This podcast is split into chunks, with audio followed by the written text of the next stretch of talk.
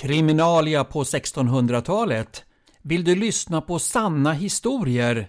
Olika rättsfall som handlar om mord, dråp och dödsdomar runt omkring på Falbygden. Jag misstänkte väl det och därför så kommer jag läsa upp åtskilliga sådana ärenden. Både långa och korta och sådana som slutar med avrättning eller att de blev frikända. Sånt vet man aldrig i förväg.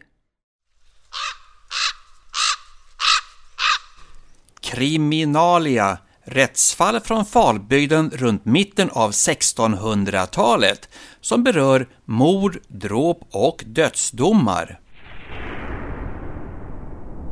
1643 var Tofta häradsting den 18 juli. Då framkom häradsprofossen Jöns Esbjörnsson och tilltalade Gunnar Månsson i Falekvarna, en gammal soldat, eftersom han hade en hustru i Östergötland förutom den hustru som han har här hos sig nu som han har fått i Tyskland. Den hustru som han har i Östergötland gifte han sig med för ungefär 24 år sedan, det vill säga 1619 i Linköping. Och med denna hustru som hette Kerstin hade han fått två barn. En son Måns som var soldat och en dotter Marit. Men Gunnar Månsson han nekar alldeles till detta att han inte har någon hustru i Östergötland eller har varit gift tidigare. Inte förrän han gifte sig med sin tyska hustru. Hon hade löst honom från ett fängelse eller fångläger där han satt i 15 år. Men det fanns vittnen som kunde intyga att så var fallet.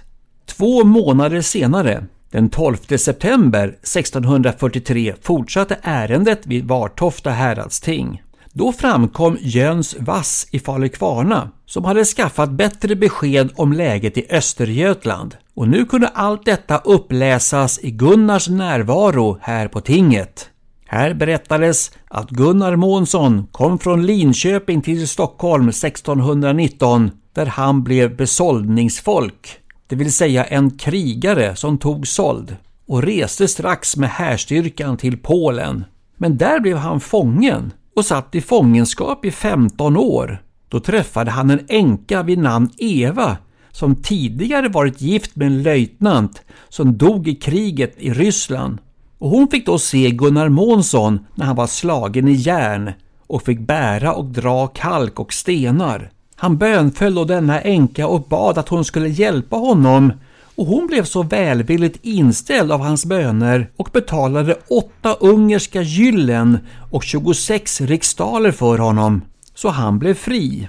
Alltså långt över en årslön. Och då begav han sig strax i äktenskap med henne och tog henne med hit till Slöta gäll i Västergötland i Sverige, där han var född. Och här har de bott nu i åtta års tid. Gunnar Månsson hävdar också att han hade inte kommit ifrån detta fängelse om det inte vore för hennes hjälp. Och allt detta kunde han bekräfta med skrifter, visserligen skrivet på polska, men många ärliga män, däribland kyrkoherden herr Sven i Slöta, hade tagit del av detta. Men livet blev inte som han hade tänkt sig. Han bodde i en stuga på Orreholmens ladugårds gods och blev därför tvingad att utföra dagsverken och många andra pålagor. För att slippa allt detta begav han sig till Stockholm med hopp om att han skulle få det bättre ställt med tanke på hans tjänst och långa fängelsevistelse. Men efter åtta veckor i Stockholm hade han fortfarande inte lyckats uträtta något. Men hans syskonbarn Nils Olofsson var anställd hos den gamla änkedrottningen så han tog Gunnar Månssons alla papper och lovade att göra vad han kunde. Men just då så valde den gamla änkedrottningen att lämna landet. Hennes flykt från Sverige 1640 blev väl omtalat. Men Gunnar Månsson, han fick inte tillbaka sina papper. Och därför så ber han nu om nåd inför Vartofta häradsrätt. Göta hovrätt 1643 den 20 september. Gunnar Månsson vigd med två hustrur.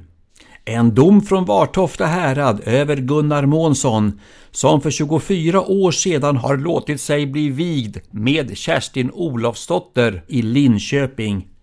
Därefter har Gunnar blivit fängslad hos polackerna och där suttit i 15 år till dess en tysk kvinna har utlöst honom och han därför lät sig vigas med henne. Lagläsaren frågar hur han vidare ska göra i denna sak som av häradets ransakning är skärskådad. Beslut 1. All den stund detta är en gammal sak. 2.